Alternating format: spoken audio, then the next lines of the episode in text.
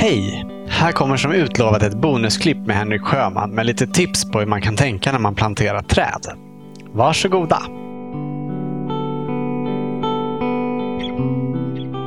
Vad är det viktigaste att tänka på när man ska plantera träd i sin trädgård?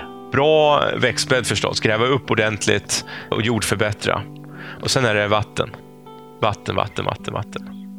Eh, det som är viktigt i växtbädden det är att det finns marksyre. Så att man inte planterar ett träd där det är vattensjukt, där det står vatten efter en skyfall eller efter snösmältning. Det är det som dödar många träd, att man har dåligt dränerade jordar. Men har man en bra väldränerad jord så kan man vid plantering som jordförbättra med en skottkärra kompostjord. För så här är det, när växter kommer från plantskolan så är de i obalans mellan rot och krona. Mm. För att man överhuvudtaget ska kunna hantera träden i plantskolorna så är det ju så att kronan är ofta större än rotsystemet. Men genom att man kör konstgjord andning lite grann, att man vattnar och gödslar den här lilla rotklumpen, så är det möjligt för den här begränsade rotvolymen att förse hela den här kronan. Men det är viktigt att tänka på när man sen ska plantera det här trädet i sin trädgård. Att det är jätteviktigt att vårda rotsystemen, att ge dem rejält med näring, rejält med vatten så att det rotsystemet kan investera och gå ut i omkringliggande jordvolymerna för att sen kunna bygga på kronan ännu mer. Mm. Så det är liksom bra eh, markbädd med gott om resurser för trädet att kunna ta upp och investera i tillväxt. Och sen också vatten. Och det, det här är viktigt kanske två, tre växtsäsonger. Så det är inte bara göra ett bra arbete första växtsäsongen. För träd är inte lika snabba som örter, utan de tar tid på sig och går ut med sitt rotsystem. Så att en två, tre växtsäsonger, att man har noga bevattning och eh, kanske jordförbättra lite. Då jäklar, då går det mm. bra. Men sen när träden har etablerat sig, hur mycket underhåll ger du dina träd då? Inte så mycket underhåll, utan, men däremot när jag plattar löv eller när jag har kompostjord och så vidare, så jordförbättrar de här planteringarna de står i. Ett bra tips är att göra samplanteringar. Att plantera lite perenner och örter där i samma växtbädd. För man är ju lite och skvätter lite vatten och jordförbättrar för perennerna. Man har inte samma förståelse för, för träden. De fixar väl läget ändå. Men när man gör den här äh, jordförbättringen också för de örterna och perennerna där, då gör man ju också ett, eh, goda förutsättningar för träden också.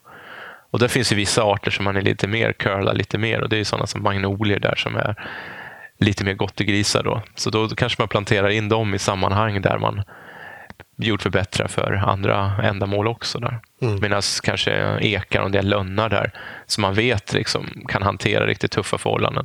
Ja, men då gör man goda förutsättningar så att den etablerar sig, sköter om dem. När de väl etablerade så ser man att de har det rätt så gött där och de trycker på rätt så bra i sin tillväxt. och De blommar och de har sina höstfärger precis som det ska vara. Så att, behöver man inte göra så mycket mer. Nej, då är de på plats där. Mm. Så det är vissa som man får köla. Det, är så här, det finns ju primadonna-växter som är sådana som bara mig, mig, mig, mig, mig. Tänker bara på sig själv.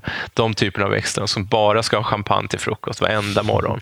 Och de, de får man ju placera in om man ska ha en sån primadonna i sin trädgård och få äran att ha det också. Så får man ju liksom bygga upp en sceneri och en eh, förutsättningar för att ha en sån.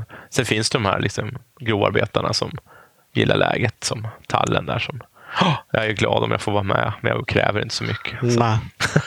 kanske också kan tänka så att man planterar de där som eh, vill ha champagne till frukost i närheten av en sån där annan som vaskar sin champagne. Ja, jo, lite så. Ja, men det, det är lite så systemtänk uh faktiskt. Precis som du att den där som vaskar liksom bidrar med eh, goda förutsättningar och jordförbättrar för andra växter som är beroende av det. Så det, det är helt riktigt.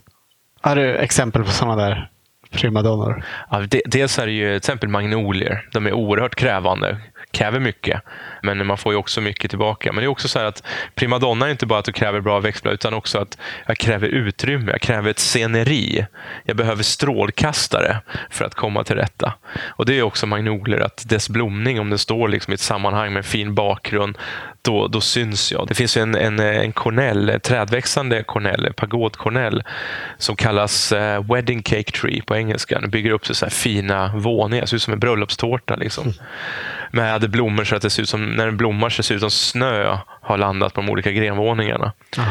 Men de här grenvåningarna kommer ju inte fram om den står trängd. Nej. Och det är en sån här som ska ha en jättescen liksom, som står där. Mig, mig, mig och alla strålkastare på mig.